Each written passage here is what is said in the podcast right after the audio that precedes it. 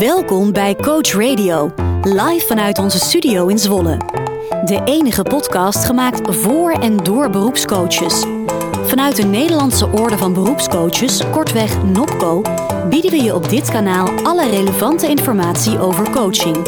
Stuur jouw tips en vragen in via podcast.nopco.nl. En voor nu, welkom bij Coach Radio.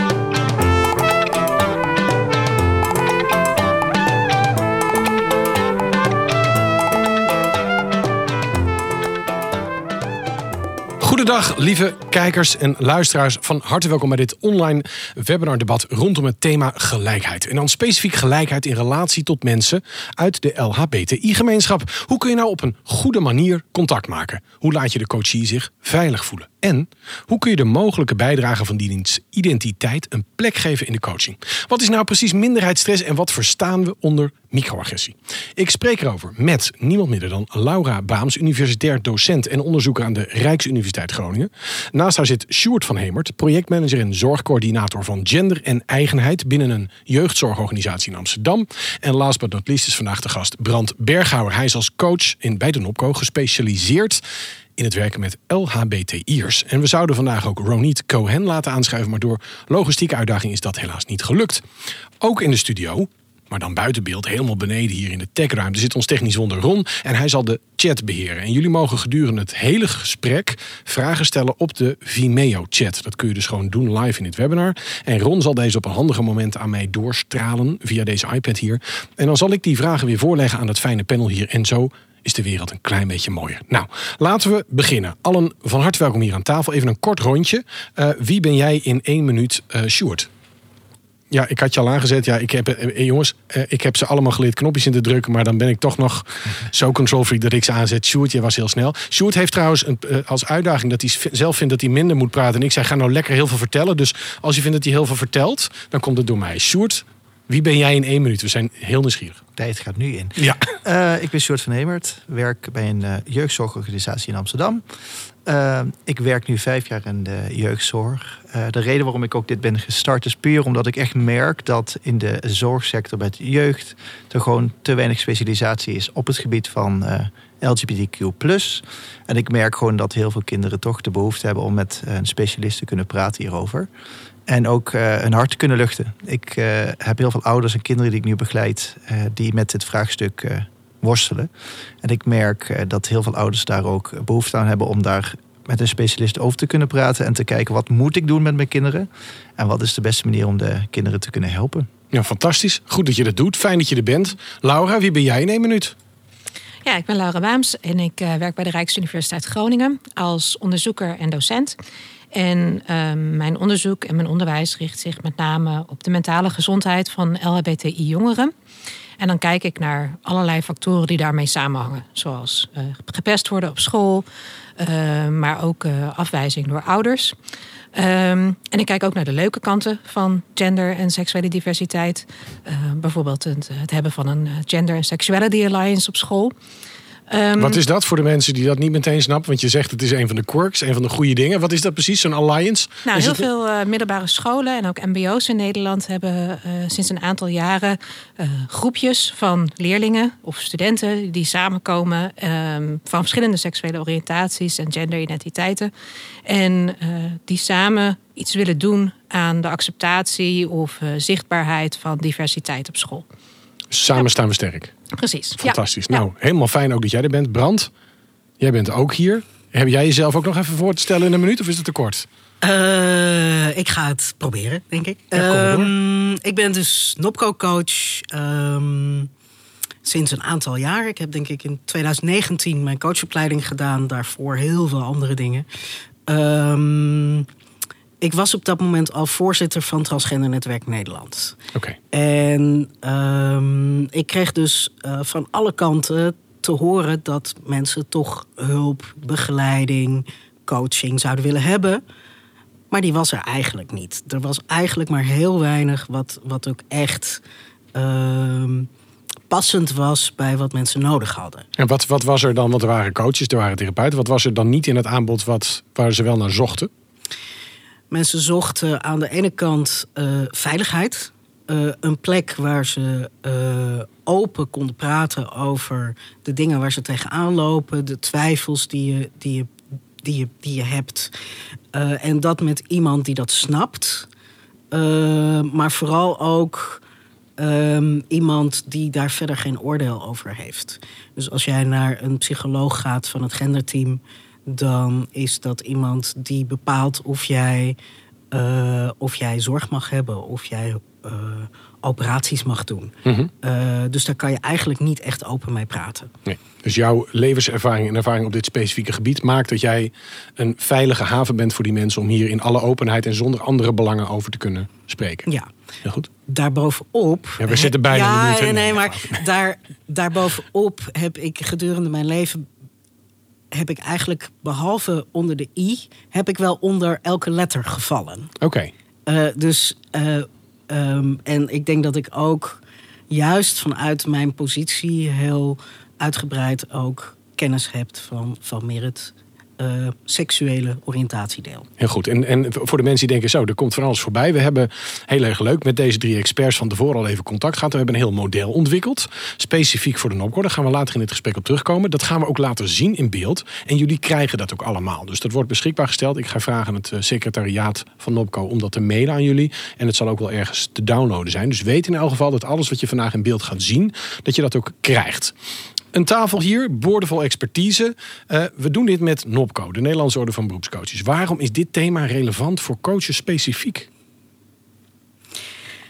Ehm, waarom niet? Weet je? Voor, Ja, dat voor- is een ja. makkelijke Ja, response. nee, nee, nee. Kijk, Jij voor, mag gewoon even waarom wel. Ja. Ehm, vanuit mijn perspectief. Kijk, er zijn zo ongelooflijk veel mensen die eh, worstelen met hun seksuele oriëntatie. Of die daar niet mee worstelen, maar gewoon gay of bi of whatever zijn. Ehm, die kom je tegen. 100% zeker heb je die in je praktijk. ja, want even voor de beelden. Ik heb eerder een debat gehad met Barbara Oud. Die zei er zijn sowieso al 1 miljoen mensen in de B-plus gemeenschap in Nederland. 1 miljoen. Dus dan is de kans 1 op 18. Zeg ik dat goed ongeveer? 18 miljoen mensen. Dat je zo iemand in je praktijk krijgt. Of Ja. is dat een wetenschap van de koude grond? Nou ja, dan, dan, dan kijk ik even naar Nou, Laura. ja, Laura is onze De wetenschapper, dames is en heren. wel wat groter, denk ik. Want eh, over het algemeen hebben we geen eh, baby's eh, die we coachen. True. Dus, eh, Kijk, nou, ja. daarom, nou al belangrijk dat we die wetenschap aan tafel hebben om ons zuiver te houden. Waarvoor dank. Maar even specifiek voor coaches. Is het zo dat, dat jij spreekt ook andere coaches. Is de kennis op dit gebied laag? Ja, Oké, ja. Ehm, geen verwijten, maar ja. nee, nee, Ja. dat eh, natuurlijk wisselt het van, van, eh, van coach tot coach. Het wisselt ook van psycholoog tot psycholoog. Het geldt ook voor artsen, voor pedagogen, voor eigenlijk het hele hulpverleningsveld. Weet je, ehm, laatst belde een collega van mij. Ik werk ook bij een organisatie die WMO begeleiding doet als coach. Ja. En die coach belde mij en die zei: ja, ik heb hier dus een, een, een, een cliënt waar ik al langer, eh, al langer mee werk. En die heeft nu gezegd dat hij zich wil ombouwen naar vrouw. En ja, ik weet niet zo goed wat ik daarmee aan moet. Oké, Nou, er gingen bij mij al een aantal alarmbellen af, want ombouwen ja, dat is het woord klinkt al vrij Ja. eh, aannemerig. Ja. Ja. Ja. Eh, ehm, en alleen al dat, je, dat je niet op een respectvolle manier daar überhaupt over kan spreken met een collega, betekent eh, ook dat je niet echt een veilige plek kunt zijn voor zo'n cliënt in dit geval. En nou denk ik dan zelf, hè, want ik ben een collega coach. Ik denk dan nou, ik, volgens mij sta ik daar vrij open voor. Ik ken heel veel mensen van allerlei vormen en maten. En ik, sta daar open voor. Maar ook toen eh, in het voorgesprek, eh, jij mij bijvoorbeeld het gender unicorn model. En ik verklap alvast, dat zit ook in die pdf eh, uitleg. Dacht ik, ja, er zit zoveel nuance. We hebben zoveel te leren. Ik wist dit allemaal niet. En ik vond het ook een hele leuke manier om het gesprek te openen. Dus ik denk inderdaad dat het voor de coaches die meekijken en luisteren heel erg waardevol gaat zijn. Ehm, even een, de, de, de dark side belichten. Wat zijn de valkuilen? Waar gaat dit mis? Vrienden aan tafel. Eh, ik kan er al ja. makkelijk een antwoord op geven. Ja, ik doe eens. eh, begeleid dus kinderen en ouders. Ja. Er worden heel veel dingen ingevuld. eh, vanuit zorgen en ook vanuit emoties dingen besproken. Maar ook gehandeld. Ik merk dat heel veel ouders, maar ook kinderen vanuit tunnelvisie... maar ook omgevingsfactoren, daar spelen ook veel thema's in mee. Ik merk gewoon dat heel veel dingen worden ingevuld. En, En, je en die- even specifiek, hè, want je zegt het snel. Ik begeleid kinderen en ouders. Dus er zijn kinderen die worstelen met het feit dat ze erachter komen dat ze homoseksueel zijn, biseksueel, misschien wel in transitie willen. Ja. En, en dan zijn er ouders die daar niet meteen kennis van hebben, open voor staan of daar zelfs negatieve zaken. En, en dat, die complexe situaties heb jij van gedacht, die mensen ga ik eens even helpen. Het is vaak helpen, maar ook eh, het, het lichtje in het hoofd van de persoon zelf aan laten staan. Ja. Of aan laten gaan.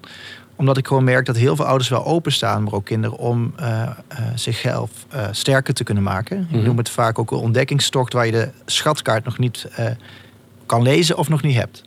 Dus die schatkaart moet je samen gaan creëren. En elke stap die je in die schatkaart ziet, of ontdekkingskaart of routeklapper, Route, ja. moet je zelf ook gaan creëren. En sommige stappen staan vast, dat hoort bij het medische stukje. Maar heel veel stappen kan je ook zelf gaan creëren door de juiste termen, maar ook de juiste kanten van te belichten. En ik merk dat heel veel ouders dan wel openstaan als, openstaan als je het een andere titel geeft of een andere naam. En is dan een valkuil van, van ouders dat ze beschermend zijn? Of is het Ja. zo dat ze. wa- Wat, wat zie jij het meest? Eh, zelf. Ik noem het vaak ook een rouwproces, omdat je toch anders tegen dingen aankijkt. Mhm. Eh, ouders gaan vanuit hun eigen emoties handelen, maar ook naar zichzelf toe, maar ook naar het kind. Eh, waardoor of overbescherming heel erg een rol gaat spelen, of dat ouders vanuit hun eigen verdriet het kind vergeten. Mhm. Dus eh, de, de spotlight wordt niet altijd op de juiste onderwerpen goed belicht. En de dark side is echt dat ouders hun eigen verdriet of emoties verliezen. Vanuit daar ook gaan handelen. Of andersom, juist de emoties van het kind eh, vergeten. Dus een vader die heeft als ideaalbeeld: ik ga later met mijn zoon mee naar het voetbal. En dan blijkt hij in één keer op ballet te willen. Ja. En dan moet hij dus afscheid nemen van zijn eigen ideaalbeeld. Ja, of eh, bang zijn dat hij zelf ook op ballet moet gaan. Oké, ja. ja. Nee, ja, Maar je grap- zegt het lachen, maar dat is dus letterlijk, je zegt er niet voor niks. Dit zijn dus eigenlijk angsten die spelen bij mensen. schaamte, teleurstelling en angst. Ja. Dat zijn vaak de emoties die ik het meest hoor en zie. En vanuit daar wordt ook gehandeld. Ik zie jou heel erg knikken, Laura. Herken jij dit ook in jouw onderzoekswerk? Ja, ik denk dat eh, de, de mogelijkheid om eh, nou ja, alles te doen of te willen wat, wat goed voelt voor je wat betreft gender, eh, dat dat bij mensen soms best wel wat voor, voor wat verwarring zorgt. En dat je dan ook opeens bij jezelf nagaat van hé, hey, ben ik eigenlijk wel eh, wie ik denk dat ik ben?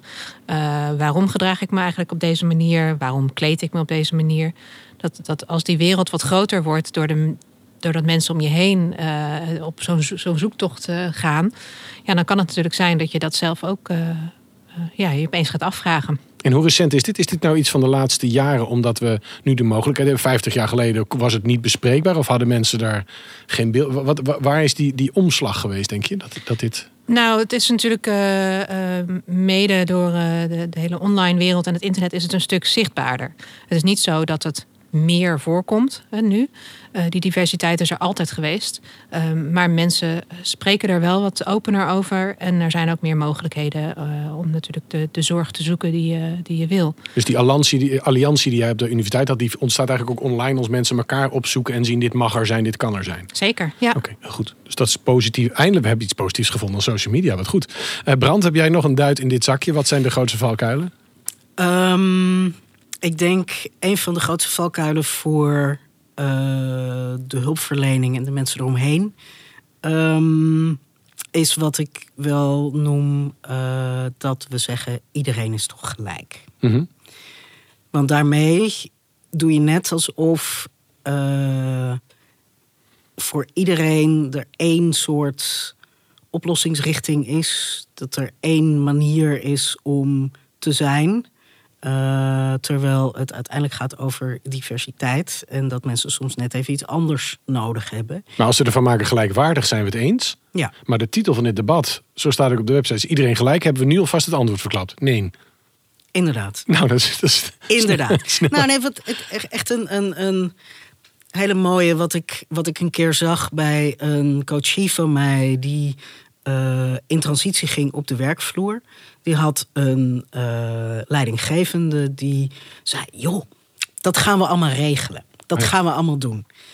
Eh, waarmee die leidinggevende met alle goede bedoelingen bedoeling is lief zij. Ja. Ja. ja. ehm, enorm over de grenzen van mijn coachie ging. Die dat weer heel moeilijk vond om daar iets over te zeggen. Waardoor er uiteindelijk een soort van conflict. Ja, maar ik, ja, maar ik wil dit niet. Ik wil dit anders, weet je. Dus, dus ehm, goede bedoelingen, het, het allemaal wel weten. We gaan het even fixen, we gaan het even doen. Maar soms ook, en dat is de andere kant, enorm nieuwsgierig zijn. En uh, eigenlijk jouw eigen kennislacunes door jouw cliënt of jouw coachie laten invullen. En, en in het geval van die werkgever, het is natuurlijk ook in de opvoeding. Bij ouders moet de liefde en de aandacht die ze hebben afgestemd zijn op het kind. Anders ontstaat er ook een hechtingstoornis. Maar dat geldt dus ook in dit soort gevallen. Dus ook als je goede bedoelingen hebt en lief wilt zijn, stem ze af op diegene. Dus daarmee kunnen we die valkuil een klein beetje voorkomen. Hebben jullie een praktijkvoorbeeld van situaties die duidelijke incompetenties van hulpverleners vertonen? Nou, nou wil ik even beginnen bij Brand, om de simpele reden dat jij vorige week op nu.nl stond. Ik, ik, had, ik had al even WhatsApp-contact met je. Ik zei, je bent beroemd. Maar je dat natuurlijk al, maar goed. Nog meer. Jij hebt echt een zaak gehad, dus dat is even jouw praktijkvoorbeeld. Maar dan wil ik de andere twee ook even nadenken of die een mooi praktijkvoorbeeld hebben. Zo, zo dicht mogelijk hè, in de realiteit van, van dat mensen ook aanvoelen wat er gebeurt als je dit niet begrijpt. Ja, Um, vanuit mijn eigen. Nou ja, ik, um, er was dus vorige week een uitspraak van het College Rechten van de Mens, waar ik naartoe was gegaan.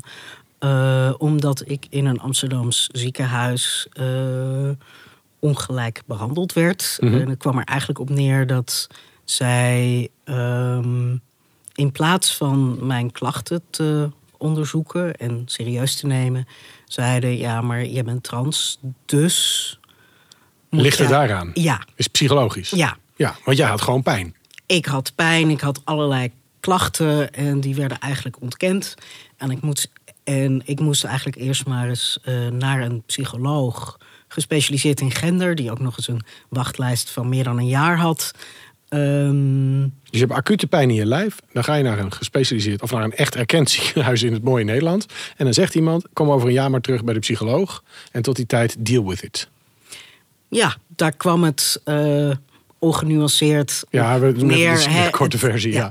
Ja, ja. ja. Um, nou ja, en uh, ik nam daar natuurlijk geen genoegen mee. Dus ik ging naar een ander ziekenhuis en daar deden ze wel onderzoek. Toen zeiden ze, nou, uh, dit is dusdanig serieus dat we je op de wachtlijst voor een operatie gaan zetten. Ja. Um, en het eerste ziekenhuis, uh, wat ik probeerde uit te leggen wat er aan de hand was, um, zei: nee, nee, nee, nee, nee. Nee, nee, nee, dit is allemaal jouw, jouw issue. Het is jouw. We noemen het gewoon voor de grap even OVG, omdat dat het ook ah, is. Hè? Ja. Dus laten we het even niet moeilijker maken. Ik hou altijd van beestjes en naampjes.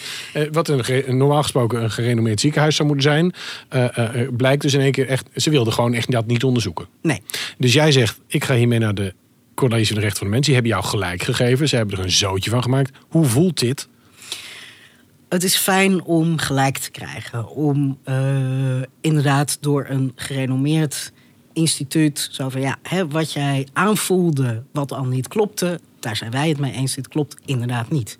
Kijk, mijn, mijn... Maar daarvoor, want ik bedoel, als ik met buikpijn naar de dokter ga, is de kans dat ik doorverwezen word naar een psycholoog echt.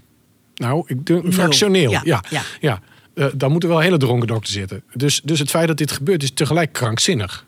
Dat is het. Hoe voelt het voordat je het gelijk hebt gehad van de rechten van de mens? Want dat is natuurlijk belangrijk voor coaches om te weten van wat, waar, waar deal je mee als je dit je overkomt. Want het is nu allemaal leuk in champagne. En, en ze hebben je uiteindelijk kunnen helpen. Maar je had er ook een dood kunnen gaan. Ja. Ja.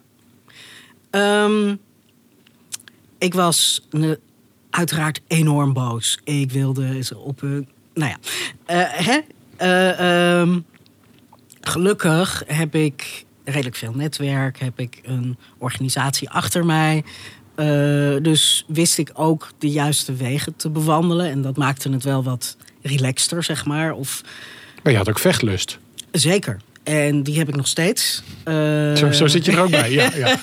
Ik voel het. Um, en ik, kijk, het punt is dat dit niet, een, um, niet iets is wat alleen maar mij overkomt. Ik heb zoveel reacties van andere transmensen die iets soortgelijks hebben meegemaakt. Het gebeurt gewoon, ik durf het wel te zeggen, in ieder ziekenhuis in Nederland. Hey, en, en voor mijn beeld, ook om het te schetsen naar luisteraars. Hè, je, je zit zo'n zo'n periode voordat zo'n transitie plaatsvindt. is een heel proces voor jezelf, voor je omgeving. Dan op een gegeven moment bouw je een heel leven op. Hoe voelt het leven nu? Is het nu heb jij het gevoel van, ja, nou denk ik dat ik uh, um, een normaal leven heb? Is dat een rare vraag? Ik denk dat ik, denk ik, een jaar of twee terug tegen uh, mijn toenmalige vriendin zei. Ik denk dat ik het leven nu snap. Oké, okay, zo. dat is Die. mooi. Die is mooi. Ja. En dat ik is nog me- steeds helemaal waardeloos, maar je snapt het. Nee. Ja, nou ja, en, en het, dat, dat, ik, dat ik daarvoor eigenlijk het altijd lastig vond om het te verhouden. Dat ik dacht, ja, maar hoe dan? Ja? En op het moment dat mensen mij ook als man gingen zien Mhm. en op die manier gingen behandelen, toen vielen er allemaal kwartjes. dacht ik, oh, maar wacht even. Hier, snap ik het. hier kan ik iets mee. Ja. Wat heerlijk. Ja. Nou, dank voor jouw open verhaal. En wie het wil teruglezen, het is vrij goed te vinden, want het was all over the news. Vandaar ik begin er maar mee. Mag ik jullie vragen, ik weet niet wie er is, Wil- hebben jullie een, een duidelijk voorbeeld waar de, de incompetentie van de hulpverlener uit blijkt? Ja, Laura. dit is een heel ander voorbeeld, maar eh, het sluit misschien een beetje aan bij waar we het net over hadden wat betreft de, de aannames. eh, dat, dat zorgverleners soms denken dat ze zelf enorm accepterend zijn en open voor alles staan. ehm, en dat er in Nederland misschien ook wel helemaal niet meer zoveel problemen zijn. Ehm, dit was een van onze deelnemers eh, in, een, in een interviewstudie. Ik zal het verhaal een beetje veranderen, want het is anoniem. Snap ik, ja. Ehm, maar dat is een, eh, een jonge vrouw die bij een psycholoog kwam en, en daar aangaf van ik denk dat ik lesbisch ben. En eh, de psycholoog zei direct, maar dat is helemaal niet erg. Dat is geen enkel probleem.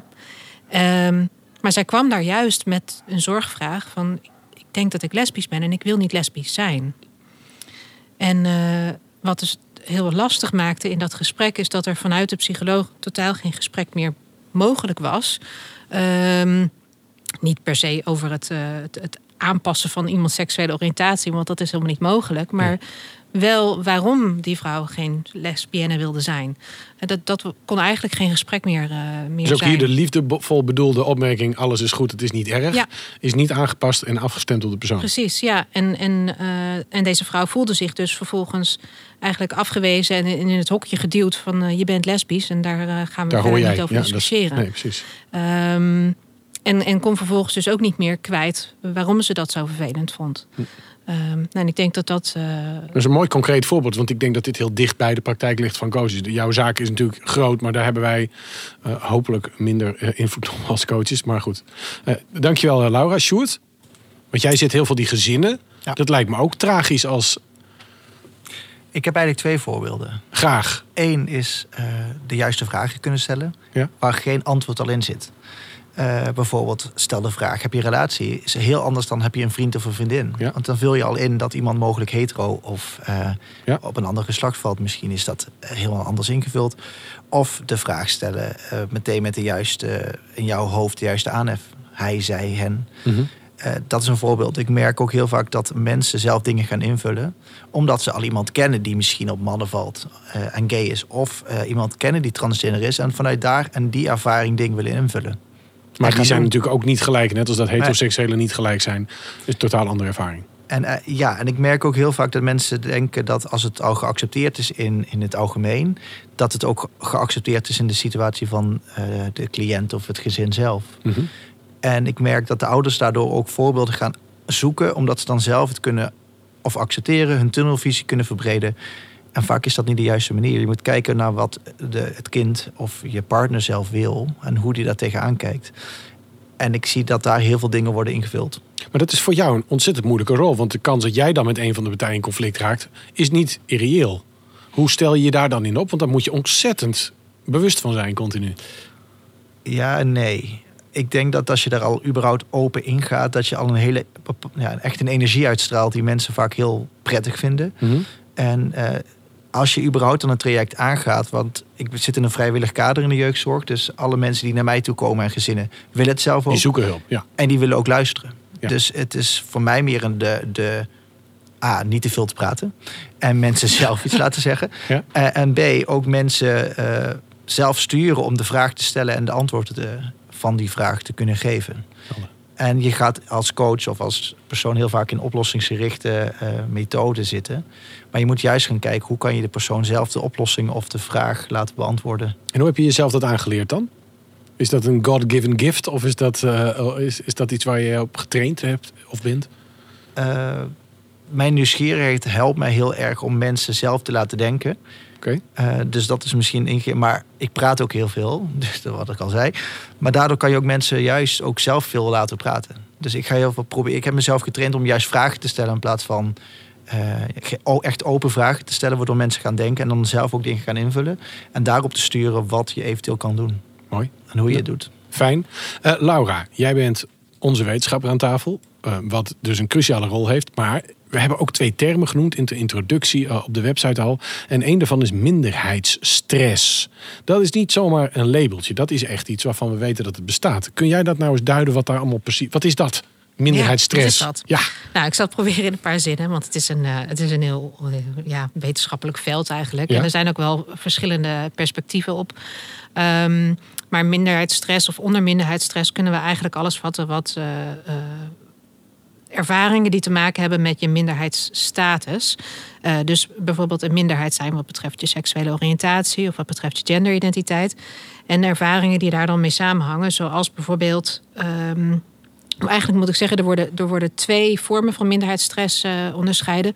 De eerste is eh, eh, de externe factoren, zoals bijvoorbeeld afwijzing, discriminatie, geweld. Eh, en dat kan dan weer op verschillende niveaus. Dus dat kan één op één, binnen een vriendschap of binnen een gezin. Het kan ook zijn vanuit bijvoorbeeld de, de overheid, dat er bepaald beleid of eh, wetgeving is. eh, wat, wat jou waarin jij een minderheid bent. Waarin jij Toeslagenouders, om maar een voorbeeld te noemen. ja, bijvoorbeeld. Eh, waarin gediscrimineerd wordt. Ehm, en eh, wanneer je voldoende meemaakt van die externe stressoren, eh, dan kan het ook zijn dat je er wat meer interne eh, stressoren ontwikkelt. Dus bijvoorbeeld eh, dat je die overtuigingen over je seksuele oriëntatie of over je genderidentiteit, dat je die je eigen gaat maken en gaat geloven. Eh, dus dat je heel negatief gaat denken over wie je zelf bent. Ehm, en het kan ook zijn dat als je veel afwijzing meemaakt, ehm, bijvoorbeeld op school of eh, op straat, dat je dat op een gegeven moment ook gaat verwachten en daar heel angstig voor wordt. Anticiperen al op angst Ja. die nog niet reëel is. Precies, en dan kan het zijn dat je in een situatie terechtkomt waarin je niet afgewezen gaat worden eh, of wordt. Eh, maar dat je toch heel angstig daar zit, omdat je denkt: het gaat me weer gebeuren. Ik loop weer door die straat of ik kom weer eh, in die aula. en ik zie weer dezelfde jongeren die mij vast nu ook weer gaan uitschelden. En het kan ook een self-fulfilling prophecy worden op een zeker punt dus. Omdat je je al gaat anticiperen in je gedrag op de mogelijke afwijzing of... Ja, ja, Ja. dat kan. Ehm, dus dus die, die, die samenhang van externe factoren, die, eh, de minderheidsstressoren, die dus negatief zijn, of negatief zijn over jouw seksualiteit of over je gender. En die interne factoren samen noemen we minderheidsstress. En daarvan zien we eh, dat dat samenhangt met allerlei eh, negatieve gezondheidsuitkomsten. En, en hoe kunnen we, want eh, ik ben hier de enige Fries aan tafel, daar voel ik nog niet meteen stress bij. Dus het, is, het, zijn wel, het gaat wel over serieuze eh, afwijkingen in, die, die je ervaart. Dus een, echte minderheid, hè? niet een. een, een, een eh, het zijn fysieke problemen bijna en gedragsproblemen die ontstaan uit die, die minderheidsperspectieven. Vat ik dat samen? Of je kijkt Nou, me ja, er kritisch zijn- aan, dus ik vraag het even. Ja, er zijn twee, eh, twee manieren om een minderheid te definiëren. We kunnen het hebben over minderheid in, in aantallen. Nou, dat, als het gaat over de LHBTI-gemeenschap, dan is dat een, een kleine groep in vergelijking met de hetero-cis-gemeenschap. Het kan ook zijn dat het gaat om een minderheid in, in termen van ehm, eh, macht of privilege binnen een maatschappij. En ik, ik, eh, sorry dat ik je onderbreek, maar nog heel even. Je zei heel snel cis-gemeenschap. Voor de mensen die het niet weten, iemand die geboren is als jongetje en het ook zo ervaart, noemen wij een cisgender. Zeg ik dat? Ik kijk, ik kijk even kritisch aan tafel. Iemand die dus Ja. geboren is in het lijf wat hij ook. Ja? Nou, Ja, dus, ja, als ik hem dan eventjes ja heel... graag, graag. heel- Daarom vraag ik het. Eh, een cisgender persoon is iemand eh, waarbij wat de dokter op het moment dat hij geboren werd zei... Dat is een piemeltje, dat is een jongetje. Ja, Ja. dat dat overeenkomt later Ja. met het beleefde gender. Check. Ja, maar dan hebben we die definitie. Sorry, terug naar Laura. Sorry, ik moest even de, de definitie weer scherp krijgen. Helemaal goed. Ja. Dus eh, eh, eh, nou, de- van, van die hetero-cis-gemeenschap weten we dat die groter is in Ja. aantal. Eh, maar het kan ook zijn dat je een minderheid bent, bijvoorbeeld als het gaat om eh, privileges die je eh, ervaart eh, in onze samenleving. Ehm, die minderheidsstress die daarmee samenhangt, die creëert stress. Oké. Dus eh, het, het meemaken van discriminatie, geweld, dat creëert stress. Eh, lichamelijke stress, psychologische stress. En dat op den duur eh, vertaalt zich dan naar gezondheidsproblemen, zoals bijvoorbeeld mentale gezondheid of middelengebruik of risicogedrag. En hoe kun je deze specifieke vorm van minderheidsstress nou herkennen aan cliënten? Dan kijk ik ook even naar Sjoerd en Brand. Van, uh, hoe kunnen we dit in gesprek met iemand ervaren dat dit dus aan de hand is? Ik heb gisteren een heel mooi gesprek gehad met een, uh, een jongen, uh, geboren als meisje, dus een transjongen. die is 15, die durft niet meer op straat of naar school toe te gaan, omdat er uit nieuwsgierigheid en dan worden er vragen gesteld van hoe beleef je dit nou? En dat creëerde voor hem echt stress om naar school te willen gaan. En ik merk dat heel veel jongeren die uh, op een bepaalde manier zich minder voelen of anders voelen. En daar ook niet goed in contact mee staan. Want je kan je ook anders voelen en je positief erbij. Uh, geen stress creëren of voelen. Uh, dat heel veel jongeren toch de angst hebben om dingen te doen die een uitdaging vraagt. grotere groepen, sociale contacten uh, op straat. Want eigenlijk is de, de intrinsieke wens om niet die minderheid te zijn, om gewoon normaal te zijn en dus ook niet bevraagd te worden. Dat is eigenlijk de. Onder andere, denk ik. Zeg ik dat goed? Ik probeer me eh. even in te leven in diegene. Van de ene kant, je, je, maakt een keuze en je voelt je anders. Jij beschrijft ook, hè, nu begrijp ik het leven uh, beter. Het valt op zijn plek. Tegelijkertijd, als je daar continu mee geconfronteerd wordt, voelt het weer als iets. Nou, ik merk zelf, maar dat als je daar een goed balans mee bent, dus dat je je goed voelt in je lichaam, dat je dat minder die stress ervaart. Oké. Ehm, ik probeer ook altijd met mijn begeleidingen de kracht van de persoon op de voorgrond te zetten. En dingen die stress geven, juist in balans te brengen, dat je er minder stress van krijgt. Mhm. Ik merk op het moment dat je je eigen emoties beter kent, je eigen valkuilen beter kent, dat je ook die kan inzetten om die stress die je mogelijk ervaart in balans te kunnen krijgen. En dan even een kritische vraag. Hè? Misschien mag ik dat niet zo vragen, maar ik ga het toch doen omdat ik denk dat er mensen luisteren of kijken die het misschien ook. In geval weet ik dat dat soort vragen maatschappelijk leven. Aan de ene kant, die jongen die jij benoemt, fantastisch. Uh, die, die, die heeft die stap gezet. Die, die, die gaat toe naar de situatie van brand, dat hij zich kan verhouden tot de wereld. Tegelijkertijd, de wereld daaromheen moet zich gaan verhouden tot iemand die er anders uitziet. En jij beschreef in de introductie, eh, het voorgesprek al, mensen gaan ook hun, hun gedrag aanpassen als ze er anders uitzien. Die voelen zich zeker op sommige punten die, die omgeving, natuurlijk moeten ze daar respect voor hebben. Maar die moet zich er ook toe leren verhouden. Hoe, hoe speelt dat? Want die worden niet begeleid. Hoe doen we dat dan eigenlijk? Nou, die begeleid ik weer wel. Ja, begeleid, ja, maar niet de hele maatschappij. Dus hoe doen we dat? Eh, is het ook zo dat er een bepaalde frustratietolerantie moet zijn van ja, jij hebt deze keuze gemaakt, daar hoort bij dat mensen die vragen gaan stellen? Of is dat te scherp gevraagd? Ik denk zelf, ja, dat is gedeeltelijk scherp, maar ik denk wel als iemand beter in balans zelf voelt, kan je ook anders met die vragen omgaan. Exact. Maar dat hoort toch ook bij dat transitieproces. Dat je dus op, ook de mensen om je heen dus daaraan leert laten wennen. En dat je ze dus. Ja, kijk, aan de ene kant zou je kunnen zeggen: je mag er helemaal niks over vragen. Want is, diegene is nu kwetsbaar. Dat, hè, dus dat, dat snap ik ergens wel. Tegelijkertijd is die ook nieuwsgierig. Ik, kijk, jij, jij ging al bijna op je knopje drukken, branden. Kom maar door. ja, weet je. Um dat ligt uh, zoals gewoonlijk genuanceerd. genuanceerd. ja. um, natuurlijk moeten mensen even wennen. En is dat iets waar je uh, soms even tijd voor nodig hebt? En ik denk dat iedere persoon die in transitie gaat dat ook snapt. Mm -hmm. uh, er is wel een moment waarop dat niet meer oké is. Hè, ik, heb, ik heb ook uh, iemand in mijn familie die het op de een of andere manier nog steeds heel grappig vindt om naar mij te, om aan mij te refereren met zij en haar.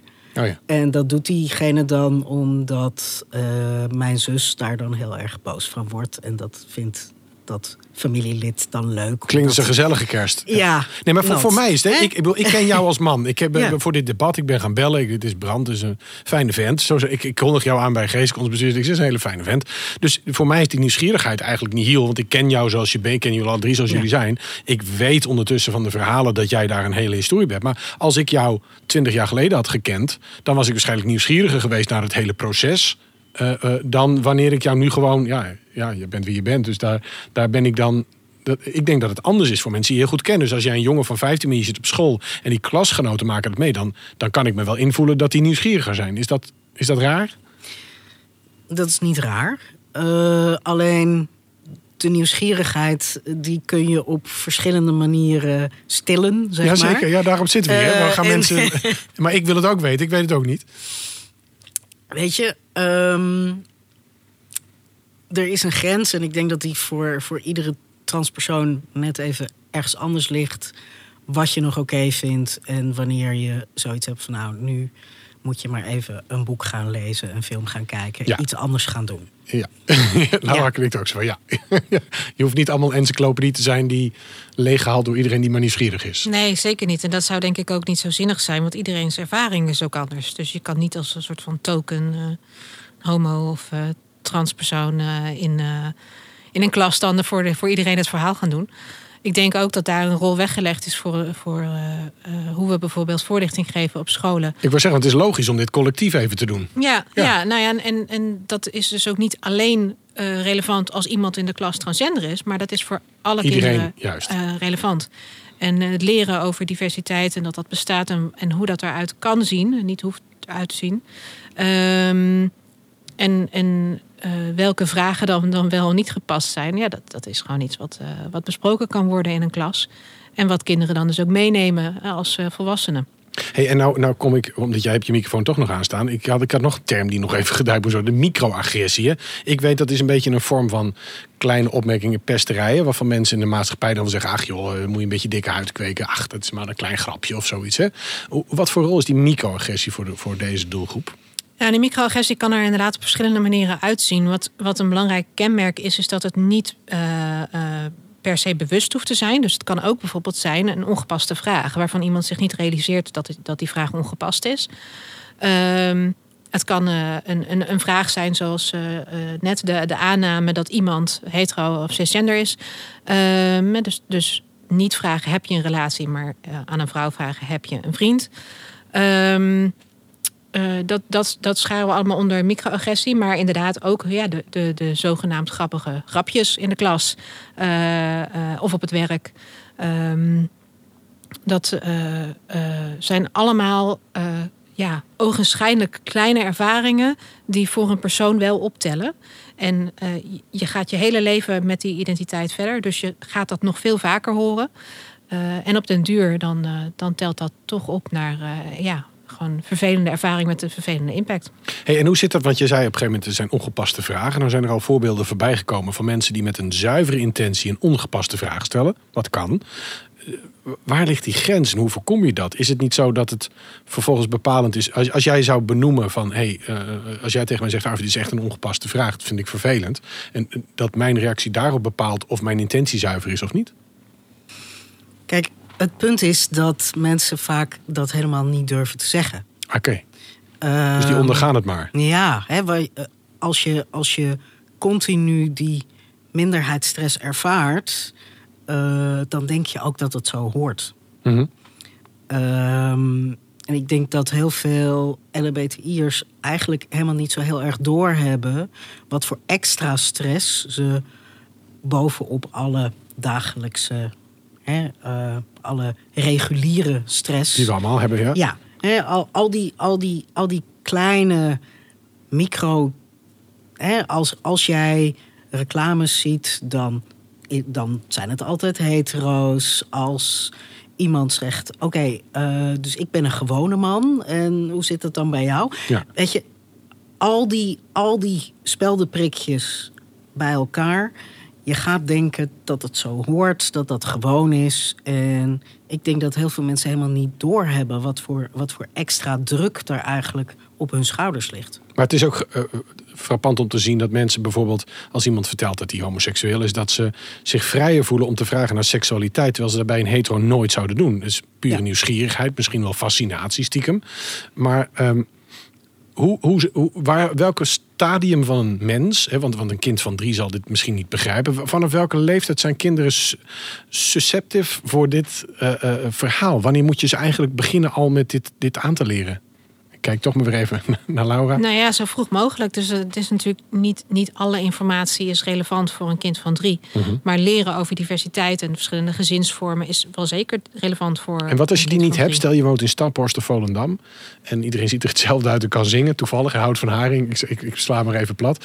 Eh, eh, hoe, hoe, want je, het is natuurlijk ook belangrijk dat je ermee in aanraking komt. Ik heb in mijn familie- en vriendenkring allerlei soorten mensen. Dus mijn kinderen komen daarmee in aanraking. Die we, ik wist als kind al, hadden mijn ouders vrienden. Dat waren twee dames en twee mannen. En dat was, maar, maar als je die niet hebt, hoe kom je er dan mee in aanraking?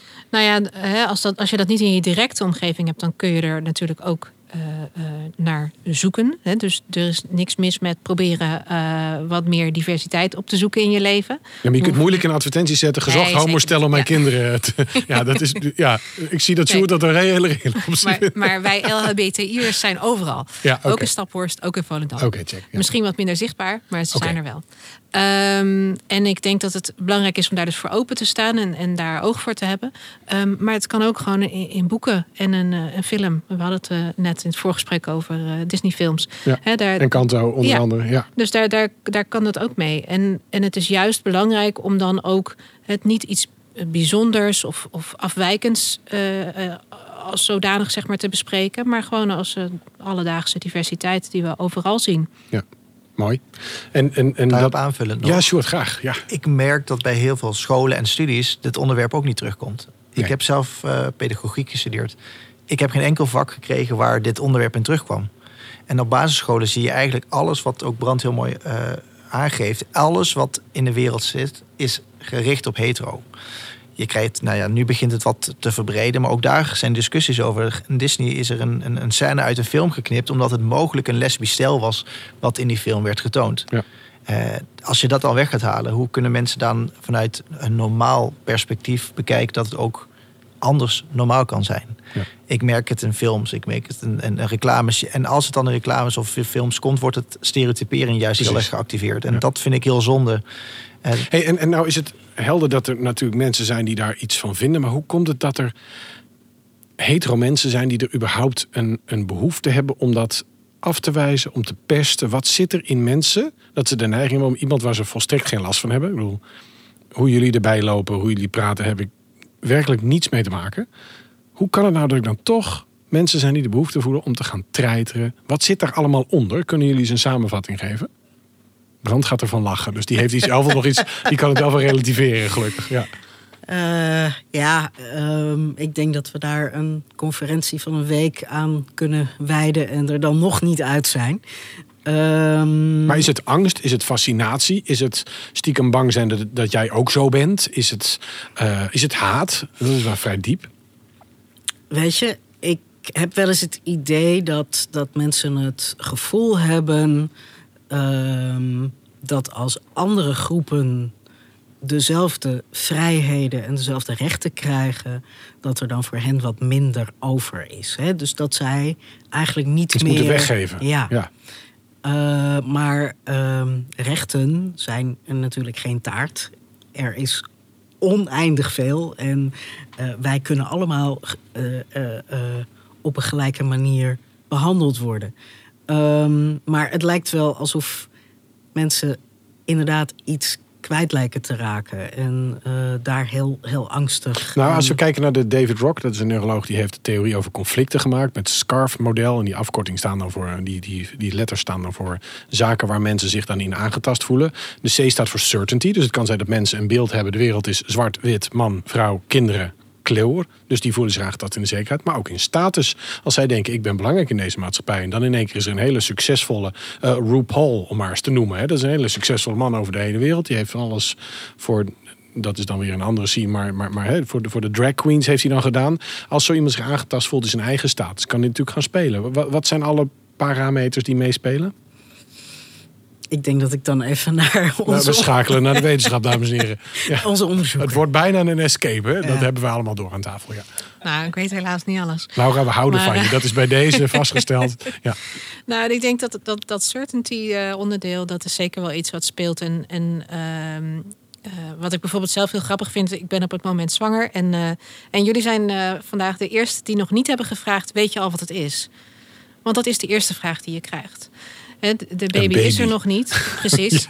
En toch willen we dat heel graag nu alvast in een hokje eh, stoppen. Ik voel me wel heel opgelucht dat ik die vraag niet heb. Nee, ik zou het ook nooit vragen. Maar ik, ik ben ook wel opgelucht dat ik het niet gedaan heb. Daar heb ik nu mooi voor aap gezeten. Ja. Ja, en het is, het is, dat is nou precies zo'n vorm misschien wel van microagressie. Het, ik vind het helemaal niet een vervelende vraag. Maar het, het, het kan wel hele vervelende eh, consequenties hebben eh, ehm, voor mijn beeld van het kind. Eh, namelijk als dat kind eh, een, een hele leven, mijn, eh, de eerste jaren denk ik, nou, dat is een meisje.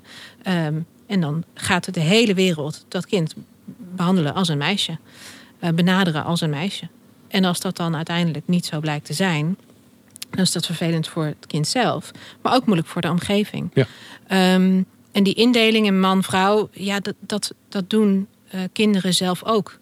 Dus kinderen herkennen eh, mannen en vrouwen. En ehm, herkennen hun vader en hun moeder. Ehm, en als er twee moeders zijn, dan maken ze dus geen onderscheid eh, in, in vrouwen, zeg maar, Nee. tussen die twee vrouwen. Ehm, en ik, ik denk dat dat iets is wat we echt wel meenemen in ons hele leven. Een soort van duidelijkheid willen aanbrengen in, in onze omgeving. Maar als mijn zoontje van drie en Kanto kijkt, dan ziet hij een van de zussen is groot en sterk en stoer. En hij wil die zus zijn.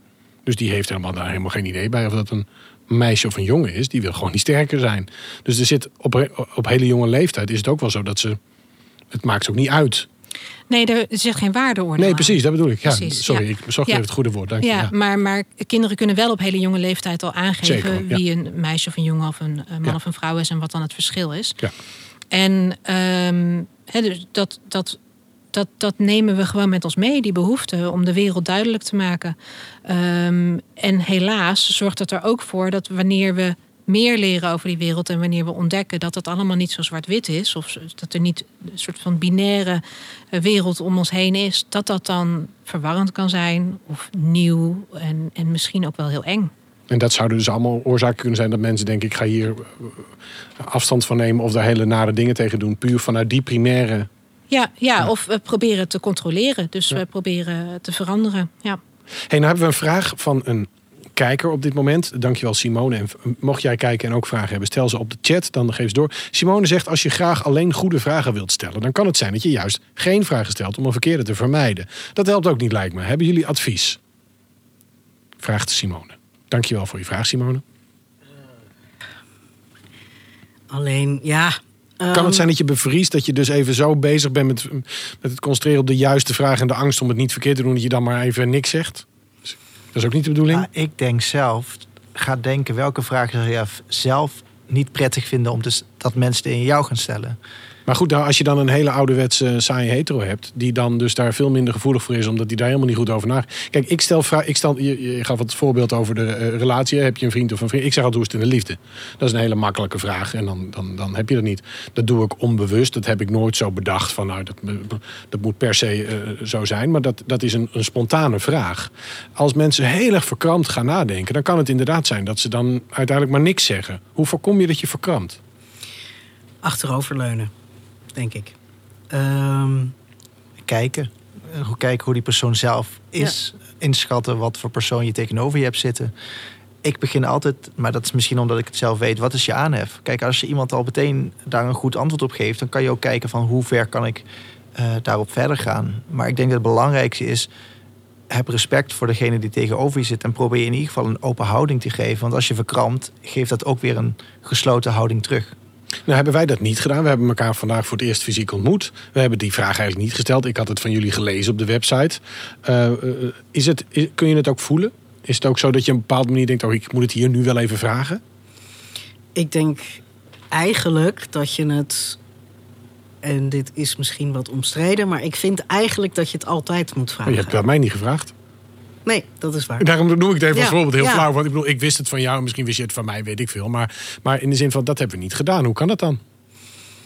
Kijk, ehm, ik denk dat in het, in het sociale verkeer het soms overduidelijk is. op, het, op het moment dat jij met een groepje of met een enkeling zit, is het eigenlijk heel fijn en heel open. Goh, welke pronouns wil je dat ik gebruik je aanspreek? eigenlijk? Ja, precies. Ja. Ehm, en als iemand dan hè, zoiets heeft van, nou, eh, eh, dan is dat een hele mooie aanleiding om daar, een, om, om daar eventjes op in te gaan. Eh, en als iemand. eh, Of niet. Want het geeft ook wel een goed gevoel dat je niet een, een nieuwsgierigheidsobject bent geworden. True.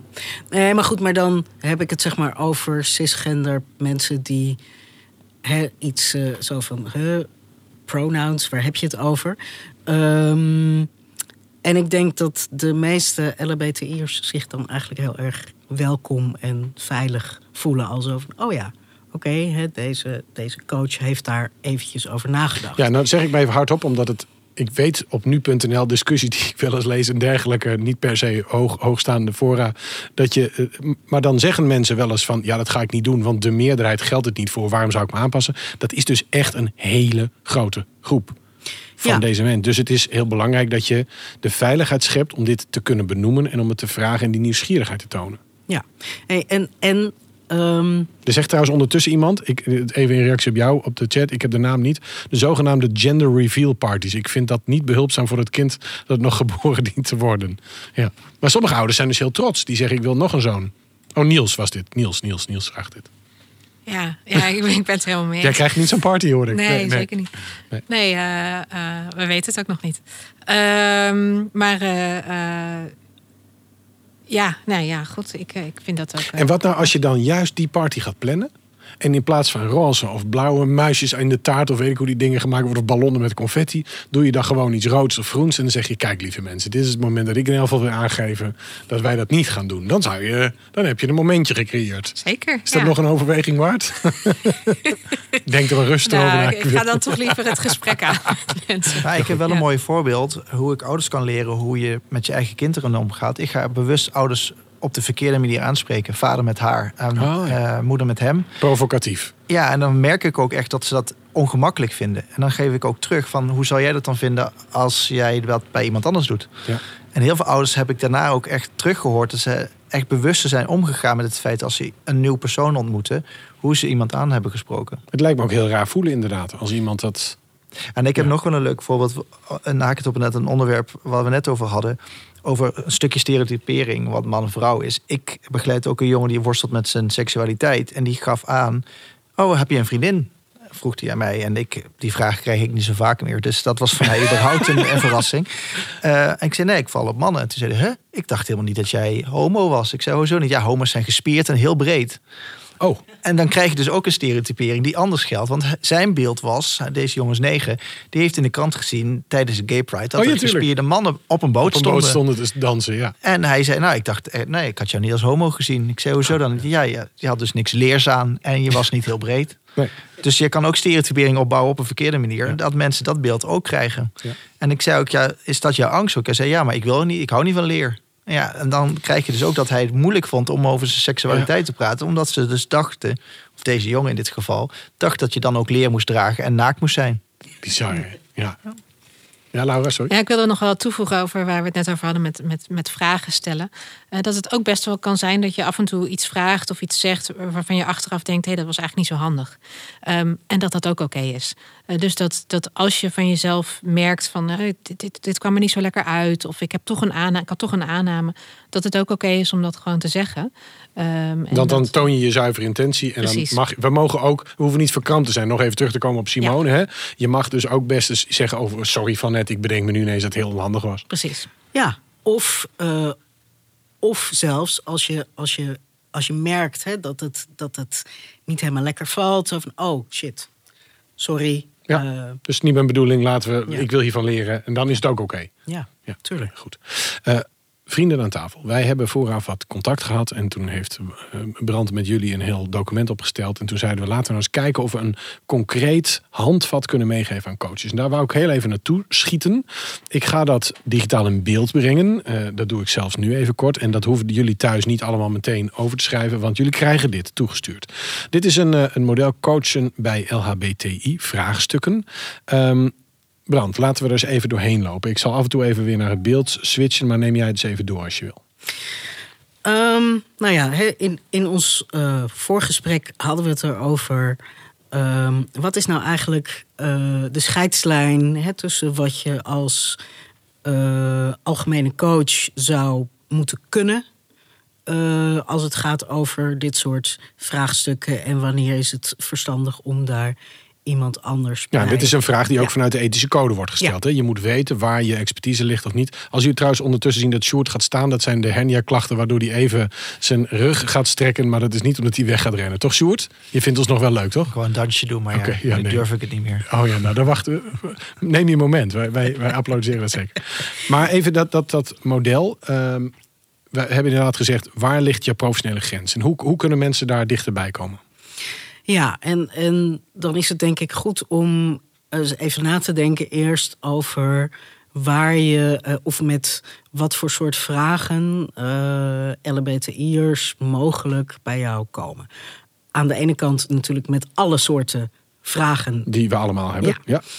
Um, aan de andere kant uh, kan het bijvoorbeeld ook zijn, um, zeker bij pesten, uh, dat op het moment dat jij een coachie krijgt, dat daar misschien wel een, uh, iets onder zit, wat diegene misschien nog helemaal niet durfde te vertellen over dat hij homo is of iets anders. Um, dat zijn van die punten waarbij ik zeg, dat moet je als coach gewoon kunnen doen. Ja, want laten we even snel. Hè, we hebben een, een, ijsberg getekend. Er zitten eigenlijk vier vlakjes op, twee boven water, twee eronder. Die, die stress- en carrière vragen. Dus uh, LBT-coaches hebben reguliere klachten op het gebied van stress, overspanning, burn-out en carrière. Hierbij is het belangrijk om veiligheid te scheppen en ruimte te maken voor je coachie in een situatie. Daar, daarvan mogen wij verwachten dat iedere professionele coach daarmee om kan gaan. Ja, ja. absoluut. absoluut.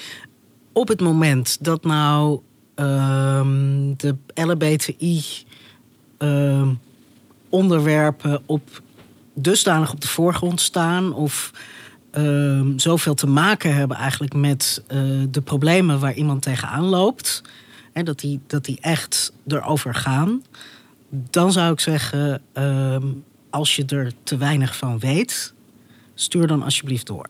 Ja, want we hebben he, rechts onderin zie je LHBT is het hoofdthema of de oorzaak van de klachten. Dat is een heel duidelijke scheidslijn. En daartussen zit dus het ongemak en gebrek aan kennis. Dus stel jij je wilt het wel kunnen, maar je voelt ongemak of bij diegene of bij jouzelf. Dus het kan ook zijn dat het ongemak bij, de, bij jouw coachie zit. Hè? Oh, je merkt een gebrek aan kennis. Dat is een moment om door te verwijzen. Dat geldt overigens voor ieder onderwerp. Dat heeft niet alleen. Hè, dat is gewoon een goede, goede tip aan coaches. Uh, en um, uh, boven water staat ook nog pesten. Veel LHBTI-coaches krijgen te maken met pestgedrag. Microagressie hebben we besproken. Uh, uh, formele en informele discriminatie, bedoeld of onbedoeld. En het is van belang om als NOPCO-coach kennis te hebben van die minderheidsstress... en hier veilig en onvoorwaardelijk acceptatie aan te bieden. Even een notendop wat we hier hebben opgeschreven. Right? Ja. Oké. En dan hebben wij daar in dat model laten we ook nog even snel zien. Praktijkvoorbeelden bijgenoemd. Die kun je dan ook thuis even rustig doorlezen. Uh, uh, puur ter, ondersteuning van het voorgaande. Maar er is ook een model. Nou, daar wil ik het met jullie over hebben. Want dat vind ik, vond ik heel erg leuk. Uh, Brand die gaf me dat in het voorgesprek mee. De, de gender unicorn. Eigenlijk is het een manier om een gesprek aan te gaan. En om een bewustzijn te creëren. Als ik het maar even vrij samenvat. Hoe zou jij het samenvatten? Um, er zijn een aantal verschillende modellen. Dus je hebt gender unicorn, je hebt ook de genderbread person. Uh, en die hebben eigenlijk allemaal tot doel om uh, op een wat meer gestructureerde manier te kijken naar wat is dat nou eigenlijk? Uh, en wat is het verschil tussen seksuele oriëntatie, genderidentiteit, geslachtskenmerken, je genderexpressie. Ja. Um, en die zien we los van elkaar. Nou is het gender, de gender unicorn. Ik had het er laatst met een collega over. Voor mensen die er nog niet zo heel veel van weten, kan het een beetje een ingewikkeld model zijn. Nou, kwamen we achter. Nou, hij heeft eigenlijk vijf assen. De genderidentiteit, vrouwelijk, uh, vrouw, meisje, mannelijk, man, jongen. Hij heeft een genderexpressie, dus hoe toon je dat? Vrouwelijk, mannelijk of anders. Hij heeft een toegewezen geslacht bij de geboorte. We hadden het al even over de dokter bij de cisgenders die zegt ja. uh, uh, wat hij ziet. vrouw, man of intersexe, dat is dan namelijk ook nog een optie. Dan hebben we seksueel aangetrokken tot vrouwen, mannen, andere genders. En romantisch aangetrokken tot. En toen wij in gesprek gingen met elkaar, toen duidde jij mij ook, dat is een as. Want jij ging gewoon vragen, hey Arvid, als je nou kijkt naar het ideaal, of het, of het, het stereotyp manbeeld, hè, uh, waar zou je jezelf scoren? Zou je dan 100%, 20%, waar zit je dan? Ja. ja. En dan ga ik over nadenken. Ja, dat is, dat is misschien 80%. Ik vind me nou niet, niet, zoals wij hier zitten, toch niet zeggen dat ik nou een van de toonbeeld van, van uh, stereotype mannelijkheid ben. Dus dan ga je ineens nadenken, okay, ja, wat is dan die andere 20%? Hè? En zo ging je dat gesprek aan. En dan ontstaat er ineens een heel genuanceerd beeld, waarbij je dus ziet dat er niet zo zwart-wit bestaat eigenlijk. Ja, en, uh, want, je, want je noemt het nu procenten, wat uh, bij dit model prettig is, is dat het niet een, een, een lijn is van hier zit man, hier zit vrouw. Mhm. En daar zit je dan ergens. Maar het zijn eigenlijk drie assen. En je kunt op alle drie ergens tussen de 0 en de 100 scoren. Precies, ja. Eh, dus als jij zegt, ik ben nou, 70, 80 man... Mhm. dan kun je ook nog steeds 70, 80 of 30 of Precies. vijf- of Het 100 is 50. niet absoluut. Nee. Ja. Nee. Ja.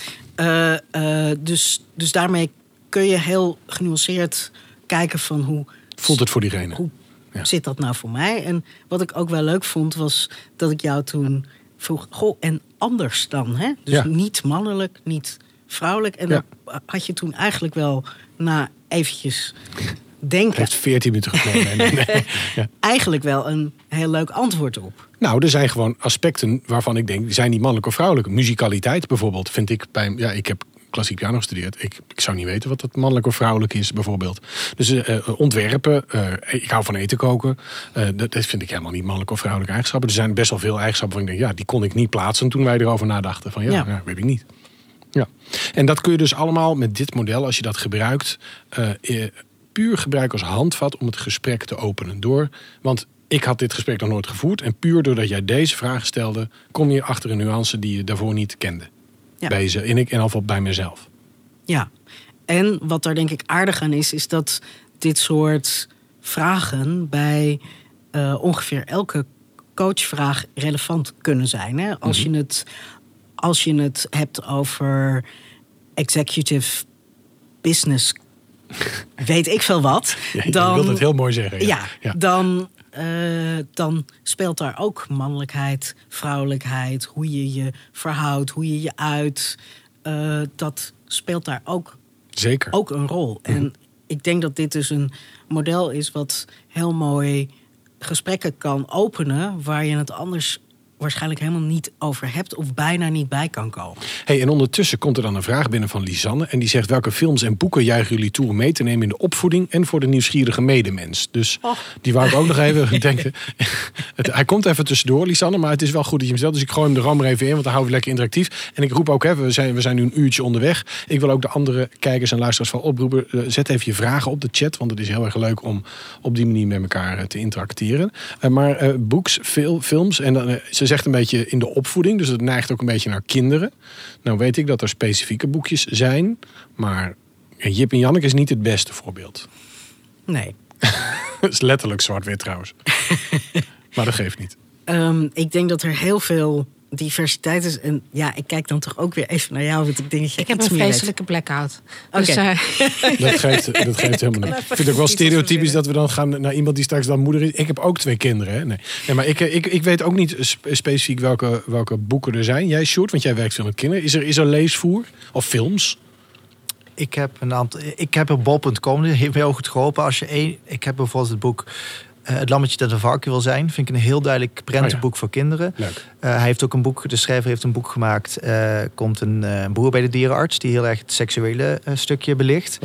Die twee gebruik ik ja, regelmatig. Julian is een zeemermin. Vond ik ook heel mooi getekend. Ook diversiteit op huidskleur. Eh, het is namelijk een, eh, volgens mij een Zuid-Amerikaans gezin waar het over gaat. Ik vind het heel mooi getekend ook. En ik, ik vond het zelfs al echt superleuk om te lezen. Laat staan een kind. En een zeemermin, daar eh, associëren heel veel kinderen zich ook nog mee. Ja. Om in het water te zijn. Ik vond die drie boeken vind ik echt heel erg eh, richtinggevend. Of Mijn schaduw is roze. Dat is ook heel interessant Nou, hoe het jij, is. er zijn al vier, vijf titels. eh, jij schudt ze zo uit je mouw. Ja, ik gebruik de boeken Ja, bijna leuk. elke. eh, Ja, ik heb heel veel eh basisschoolleeftijd kinderen. Eh, voor tieners, ja, films. Maar ik denk dat er heel veel films zijn voor tieners die daarbij kunnen helpen. Er zijn ook heel veel tekenfilms die niet op gender zitten, maar gewoon unisex zijn. Ja, Zoals jij- superhelden. Het, het stereotypische Brokeback Mountain is niet het goede voorbeeld van de film. Kan. Die we, ja, Kan. Ook, kan wel. Oké, oké, oké. Ja, qua, qua, qua opvoeding heb ik hem niet helemaal. Maar er is ehm, sinds een half jaar, denk ik, is er een site. Die wordt ook bij, bijgehouden. Eh, die is van Netflix. Jij bent nu te zien.netflix.nl, als ik me niet vergis. Oké. Eh, maar daar staan eh, eigenlijk alle, alle films op van alle streamings platforms. Ja. Dus ook van YouTube en eigenlijk alles wat maar met gender diversiteit. eh, dat Een soort bibliotheek geconcentreerd van alles wat je hebben. Nou, dat Ja. is een heel goed antwoord op de vraag van Lisanne. Dan hebben we ook een vraag van Judith. Wat betekent intersexe precies? En wat is het verschil tussen, in dat model, wat is het verschil tussen seksueel aangetrokken en romantisch aangetrokken? Zal ik hem even pakken? Eh, Ja. Intersex, eh, dat gaat over. ehm, kijk, ons, ons, ons geslacht wordt bepaald eh, eh, vaak bij geboorte door wat er tussen de benen zit. Ja. het, eh, maar ook hormonen en chromosomen spelen daar een rol in. Van de hormonen en de chromosomen weten we vaak helemaal niet hoe dat dan hè, hoe, hoe, dat, hoe dat zit. Dat weet je pas als je dat gaat testen. Nu zijn er best wel wat mensen die ehm, niet volledig aan het beeld van wat is een mannetje of wat is een vrouwtje voldoen. Dat kan je soms aan de buitenkant zien, soms, is, soms zie je dat pas later. Eh, die passen dus niet in die, eh, in die twee hokjes die we eigenlijk ook maar verzonnen hebben.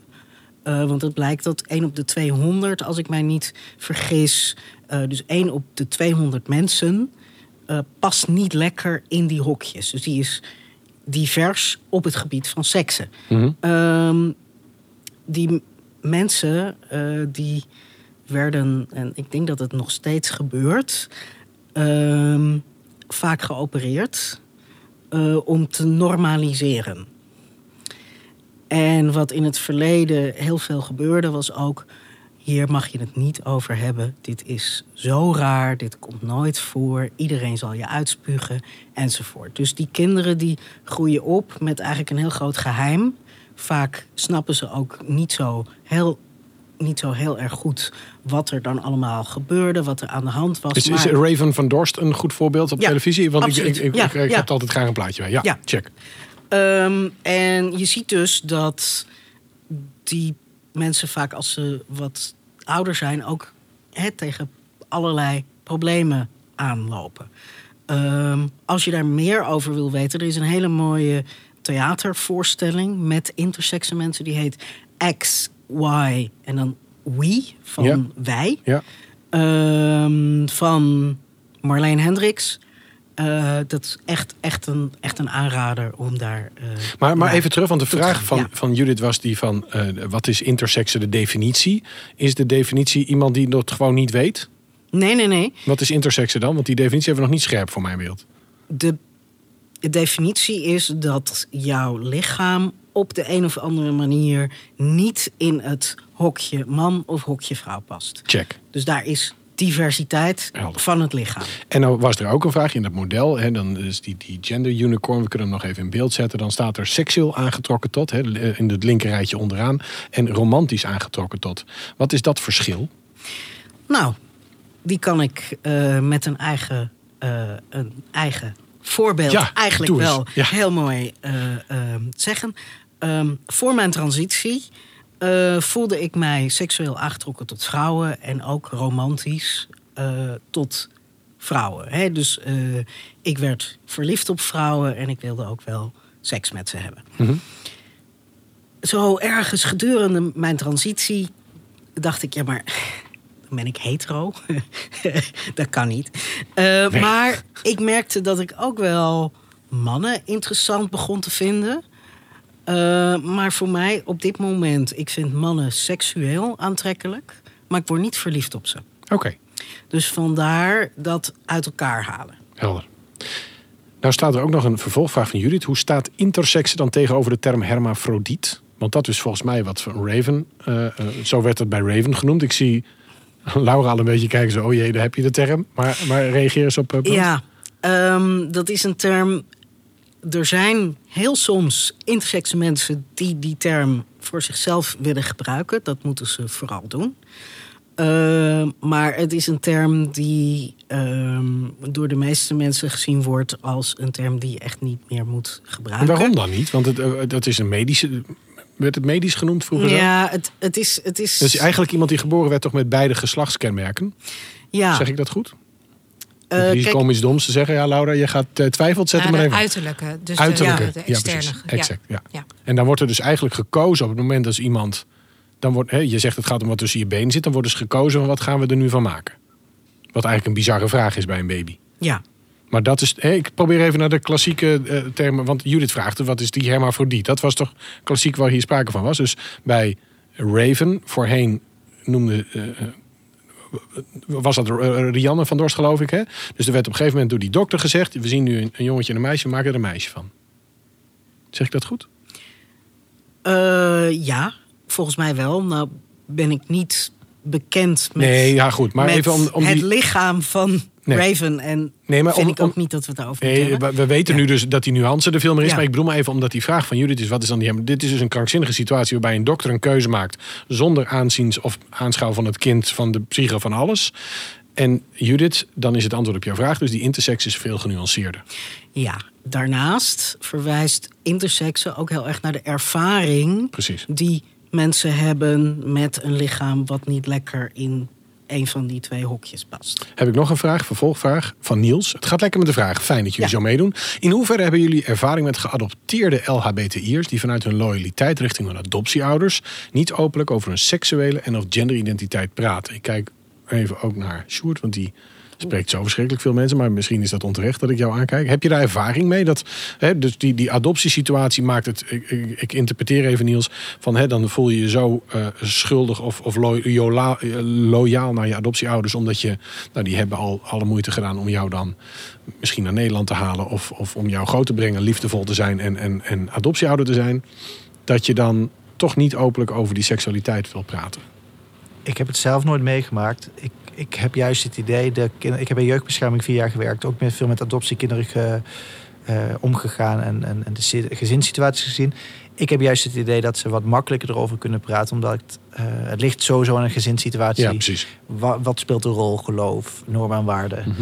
Eh, maar ik merk vaak wel, de ouders die kinderen hebben geadopteerd, eh, dat ze wel ruimdenkender zijn, omdat vaak ook kinderen die geadopteerd zijn ook met trauma's en hechtingsproblematiek spelen.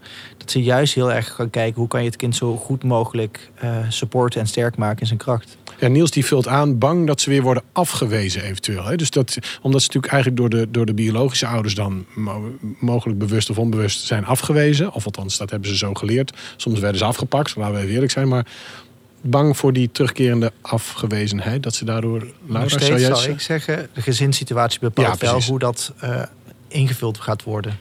Laura, jij wou nog Ja, ik zou, dat, ik zou dat inderdaad ook wel willen beamen. Dus eh, eh, we zien bijvoorbeeld in onderzoek wel dat, eh, dat LHBTI-jongeren, ehm, en wanneer ze afgewezen worden door hun eh, eh, ehm, Ouders? ja, gezin van herkomst, wil Ja, ik zeggen. ja, maar ja, ja, nee, prima. Ja. Ehm, eh, dat ze dan eh, niet altijd die acceptatie vinden in een pleeggezin of in een adoptiegezin. Eh, dus dat, dat het mogelijk is dat ze dan opnieuw worden afgewezen. Ehm, en ik kan me goed voorstellen dat jongeren dan dus besluiten van nou dan, dan wacht ik hiermee. Dan, dan verberg ik het zolang ik nog in dit gezin ben of zolang ik nog geen 18 ben bijvoorbeeld. Ehm, maar het zou ook juist heel mooi zijn als die gezinnen inderdaad ruimdenkender zijn of, of hiervoor openstaan en dat het, dat het juist wel kan. Ehm, maar ik ken zelf ook geen, eh, geen voorbeelden waarin het echt te maken heeft met de loyaliteit van naar, het, naar het gezin toe. Maar goed, we kunnen zien, hè, daarom dank Niels voor je vraag. Hè, die parameter is één van velen. Maar kan dus, het is zeker geen irreële voorstelling van zaken dat dit speelt. Dus het is ook belangrijk om daar weer bewust van te zijn dat die, dat thema afwijzing natuurlijk kan spelen bij, bij mensen in die situatie. Hey, eh, eh, model nogmaals gaan we uitdelen. Ik begreep ook, Brand, dat er een actieve oproep is, omdat er vanuit Nopco en vanuit jou persoonlijk de behoefte is geuit om een specifieke vaksectie op te richten. We hebben binnen Nopco een aantal vaksecties, natuurcoaching, executive coaching. En omdat er vraag, en dat blijkt ook uit het model, op een gegeven moment moet je kunnen doorverwijzen naar experts, specialisten als de thematiek daarvoor is. Ja, waar vind je die? Dan zou je dat heel goed zichtbaar kunnen maken met een vaksectie die zich ook bezighoudt met dit thema, daar mensen in opleidt en mee bezighoudt. Wat is exact jouw oproep aan iedereen die hier interesse in heeft? Nou, op dit moment ben ik, ehm, zover ik weet, binnen NOPCO de enige die zich specialiseert in dit onderwerp. Eh, maar ik kan mij heel goed voorstellen dat er ook andere eh, coaches zijn binnen NOPCO die affiniteit hebben met het onderwerp, die misschien ook meer willen leren, misschien eigenlijk al heel veel weten. Ehm, en als we een vaksectie willen oprichten, dan is het fijn als ik dat niet in mijn eentje hoef te doen. Nee, dat ben ik met je eens. Dat zou zeer ongezellig zijn. Sexy Eh, is ook een groot woord dan. ja. Eentje. Ja, ja. Inderdaad. Dus eh, de oproep is concreet. Als je denkt, dat lijkt me leuk om daar aan, aan, aan mee te werken, om daar zelf aan te sluiten, bij ja. aan te sluiten, jezelf daarin te ontwikkelen. Eh, meld je aan via info.nopco.nl, dan komt dat vanzelf. Ja, dat is het secretariaat en Ja. die sturen dat door naar jou. En eh nou ja, Nopco bestuur heeft ook al aangegeven dat ze hiervoor openstaan, dat ze het superleuk vinden. Dus eh, ben jij geïnteresseerd hierin? Vind jij dat je in je leven thematiek hebt meegemaakt of die het maakt dat het voor jou interessant is of dat je er meer van weet of wilt weten? En wil jij een van die experts worden die straks ook beschikbaar is voor mensen die hiermee worstelen? En dat zijn er dus heel veel. Meld je aan info@nopco.nl. Heel goed. Eh, op dit moment zijn er geen verdere vragen. Dus ik zou af- afsluitend even de toekomst in willen schieten met jullie, als dat mag. Eh, laten we de ambities even peilen. We gaan vijf jaar, misschien wel tien jaar vooruit in de tijd. Wat is er veranderd in coachend Nederland, waardoor mensen binnen de LHBTI-doelgroep zich veiliger kunnen voelen? Brand, die schiet meteen in het rood. Helemaal goed. Ja. Ehm, ik zou hem bijna even breder willen trekken. Wat ik, Mag, ja. wat ik, wat ik zie is dat eigenlijk in alle opleidingen voor psychologen, pedagogen, voor coaches, voor whoever, binnen de zorg, binnen de hulp, ehm, wordt er geen of, of maar heel nihil aandacht besteed aan dit onderwerp. Aan diversiteit, aan hoe je daarmee kunt werken, hoe je daarover kunt denken, hoe je daar open in kunt zijn. Ik zou het eh, heel erg waarderen als we in ieder geval daar een grote stap in gaan zetten. En hoe zien we dat? Want even concreet, 15 jaar vooruit in de tijd. Wat is er dan anders? Ehm, dan is het in het curriculum van de opleidingen psychologie, pedagogiek, eh, de geneeskunde. Dus de kennis die we vandaag Ja. ook hebben besproken aan tafel. Want even concreet, hè, OVG zei tegen jou na de uitspraak... eh, het heeft onze aandacht, daar kunnen we niks mee. We gaan het concreet maken vandaag. Wat is er over tien jaar anders in de wereld? Dus het, de kennis die we vandaag hebben besproken... wordt gewoon onderwezen aan die zaken die jij noemt. Absoluut. Daarnaast denk ik dat het eh, super zou zijn als in ieder geval alle NOPCO-coaches over Horen jullie dit? Let ja, op. Ja. over 5 à 10 jaar, of eigenlijk, eigenlijk gewoon al vanaf morgen, maar goed, dat even terzijde, eh, zich bewust zijn van eh, minderheidsstress, van Microagressie. microagressie, eh, erover hebben nagedacht hoe je een veilige plek kunt zijn, zodat jouw coachie ook iets durft te vertellen over diens identiteit, over diens leven, eh, wat over dit stukje gaat. Ehm, en dat, als, hè, dat, we, dat we als NOPCO daar ook echt, echt verschil in kunnen maken. En voor de andere coaches ook, hè, voor de niet-NOPCO-coaches. Zijn die er überhaupt? Dacht het niet, maar. Hè? Het is een heel marginaal groepje. Ja, Als, als lichtend voorbeeld. heel goed. Kunnen- Mooie ambitie. Ja. Ik denk dat daar binnen en opkomen wel de handjes voor elkaar gaan. Sjoerd, wat, hoe ziet de wereld er in jouw leven over tien jaar anders uit... die in positieve zin voor deze specifieke doelgroep? Ik denk dat de terminologie al veranderd is. Dat mensen ook echt wel het verschil kunnen weten tussen de verschillende uitingsvormen. Eh, maar ook daardoor de vraagstellingen anders kunnen eh, stellen. Of ook andere vragen stellen. Dat de tunnelvisie verbreed is. En dat mensen niet eh, personen in deze groep als nieuwsgierigheidsobject zien, maar meer als geheel. En niet eh, zien als een eh vraagbaken, omdat ze zelf niet weten hoe het, hoe het werkt. En, en, en ik heb die vraag eens al aan brand gesteld in het voorgesprek ooit. Maar ik stel hem jou ook. Hè. Ik ben gewoon een simpele figuur uit Friesland. Wat kan ik morgen doen? Hè? Want, want wat kunnen coaches doen die luisteren? Heel concreet. Hè? Eh, eh, om, dit, om, om al een stap in de goede richting te zetten. Ik, wat ik net al zei, ga kijken welke vraag je jezelf prettig vindt als iemand die in jou stelt. Ja. En als je die vraag zelf ook moeilijk eh, kan beantwoorden of heel raar vindt, stel hem zelf ook niet aan anderen. Maar ik, ik had het in het voorgesprek ook over bijvoorbeeld een website. Hè? Wat, wat moet je nou wel of niet op een website zetten?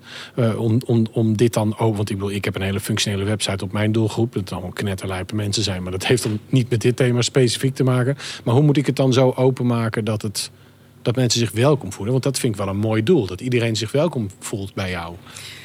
Nou, ehm, ik heb natuurlijk even naar jouw site gekeken. Nou, nou komt het. Ehm, en het valt me op dat je daar best wel een aantal hele persoonlijke dingen vertelt Mhm. over wie jij bent. Maar er staat helemaal niets over gender en hoe jij je verhoudt tot de wereld. Mhm. Dat zou iets kunnen zijn wat jij in een Specifiek in de bio kan opnemen. Ja. Ja? in een, in een, in een, in een, in een regeltje. Goh, hè, ik, ik heb eh, deze kwaliteiten en ik heb er eens over nagedacht. Nou, eh, en ik ben een cisgender. Nou, ik ga er even van uit, Dan maar ik ja. hetero man. Ja. Eh, waarmee je dus al aangeeft, ik heb erover nagedacht. Juist. Door dus specifiek te benoemen. Ja. Ja. Het is wel interessant, want vaak de mensen die in hun eigen eh, regel hebben gezet eh, als afsluiting, hij, zij, hen, eh, de, de, de normen, of de aandacht bedoel ik, weet ik al meteen dat het dus iemand is die begrijpt hoe dit in elkaar steekt. En ik voel me ook al prettiger als ik deze persoon dan in het echt zie. Omdat ik al weet, deze persoon is al wat ruimdenkender of die weet er meer vanaf. Eh dat geeft dan een soort van welkomstgevoel of een, een warm gevoel dat ik in ieder geval mezelf kan zijn. Dus een heel klein gebaar dat dus bij jou al een heel groot effect heeft. Ja. En, en, en zou Nopco dit, hè, want die is een nieuwe website aan het bouwen, zou dit in een database ook meteen, hè, want je hebt, iedereen heeft zo'n profieltje daarop, zou dit dan ook iets zijn om daaraan toe te voegen?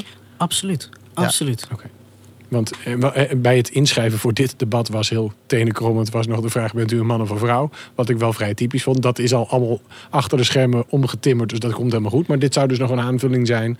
Want jij beschrijft echt: dan voel ik me al welkom en, en prettig bij die persoon voordat ik hem nog ontmoet heb. Nou, ik heb zelfs dat ik bij websites, als ik iets bestel als een man-vrouw, dan bestel ik gewoon niet meer. Oké. Eh Bol.com is dat, heeft dat ook veranderd. Ja. Dat geeft mij wel het gevoel, ondanks dat het misschien heel commercieel is. Je hebt heel vaak ook websites of nieuwsbrieven waar je jezelf voor inschrijft. En denk ik, wat maakt het uit of ik een man of een vrouw ben? ja. Ik zie het verschil niet. Nou, het antwoord op die vraag is dat ze de data verkopen. Maar ik begrijp Ja, heel nee, goed maar- inderdaad. eh, wat Maar je- dat geeft mij wel een gevoel van, nou, zeker. deze persoon of deze organisatie is nog niet ruimdenkend genoeg. Nee. Ik wil hier eigenlijk niks eh, mee te maken hebben. Duidelijk. Laura, jouw afsluitende wijsheden. Hoe ziet de wereld er over vijf tot tien jaar uit? Ja, nou, een aspect wat we eigenlijk nog niet zo heel veel hebben besproken is ehm, non-binariteit. Of Sorry, sorry, hoe zei je dat? Non-binair. Non-binair, ja. Dus eh, jezelf man eh, en vrouw voelen, of man, of niet zowel. Man, nog niet- vrouw of man en vrouw, ja. Exact. Ehm, en en de, de fluiditeit die mensen daarin ook ervaren als het gaat om hun gender. Ehm, en dat is, eh, eh, nou, dat, dat is iets wat we steeds meer in gesprekken met jongeren eh, zien. Ehm, maar zeker niet beperkt tot jongeren. En eh, ehm, ik hoop dat daar ook meer aandacht en begrip voor komt de komende jaren. Ehm, omdat ik denk dat we, we zijn heel erg geneigd nu om. We hebben honderd keer LHBTI gezegd in dit gesprek. En dat is ook prima, want dat bevat heel veel groepen mensen. En er zijn heel veel eh, mensen die zich niet LHBT of I noemen, maar wel denken van nou, daar hoor ik wel ongeveer bij. Ehm, maar het zou juist ook zo mooi zijn om de groep die, die we nu eigenlijk mm, ja, bijna niet zien of bijna niet eh, kunnen zien, omdat we de vragen niet stellen, eh, als we die ook beter in beeld krijgen en, eh, en, en ook onze gesprekken en terminologie die we gebruiken, bijvoorbeeld in coaching, maar ook in allerlei andere contexten, als we dat beter kunnen laten aansluiten op hun ervaringen. Inclusie zonder labels. Ja, of een label als je een label wil gebruiken. Exact. Ja, Maar het dan, niet. het hoeft niet, inderdaad. Nou, heel fijn. Ik denk dat het een heel mooi ambitieuze uitkomst is van dit gesprek. Eh, dank jullie wel hier aan tafel. We hadden eh, Brand Berghouwer zitten. We hadden Sjoerd van Hemert en Laura Baams. Dank jullie wel. Dank je wel aan de kijkers voor het, het kijken, het meedoen, eh, jullie vragen stellen. Het model dat we hebben, dat wordt aan jullie toegemaild. Dat zal binnen nu in één of twee dagen zijn. Want ik moet het even naar het secretariaat mailen. En die gaat het aan jullie ter beschikking stellen. Het komt vast ook op de website. Nog even ter herinnering. Mocht jij interesse hebben in de nieuwe vaksectie die mogelijk wordt opgericht. eh, meld je aan. info.nopco.nl Eh, Er zijn mooie boeken genoemd. Eh, luister en kijk dit gesprek terug. Dit komt nog beschikbaar op YouTube. Heel erg fijn. Dank aan mijn gasten. En ik wens jullie allemaal een hele fijne dag. Tot ziens. Dank voor het luisteren naar Coach Radio. Volg ons op SoundCloud, Spotify of iTunes en vergeet niet om een recensie achter te laten.